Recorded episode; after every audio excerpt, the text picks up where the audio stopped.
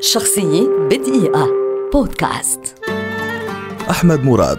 كاتب وسيناريست ومصور ومصمم جرافيك مصري ولد عام 1978 ويعتبر من أهم الروائيين الشباب اليوم في العالم العربي. التحق بالمعهد العالي للسينما ليدرس التصوير السينمائي وتخرج عام 2001 بترتيب الأول على القسم. ونالت أفلام تخرجه الهائمون الثلاث ورقات وفي اليوم السابع جوائز للأفلام القصيرة في مهرجانات بإنجلترا وفرنسا وأوكرانيا. بدأ مراد كتابة روايته الأولى فيرتيغو عام 2007 ونشرت في نفس العام عن دار ميرت قبل أن تترجم للغة الإنجليزية ثم للإيطالية والفرنسية وتحولت لمسلسل تلفزيوني في رمضان عام 2012 بعنوان فيرتيغو بطولة هند صبري. ونالت الرواية جائزة البحر الأبيض المتوسط للثقافة لعام 2013 من إيطاليا. قام مراد بعد ذلك بتأليف العديد من الروايات الشهيرة ومنها تراب الماس والفيل الأزرق اللتان تحولتا إلى فيلمين ناجحين جدا.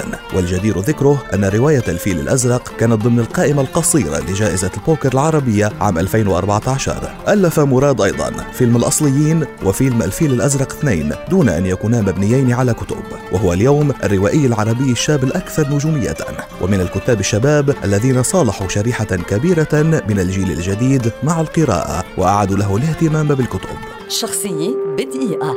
بودكاست.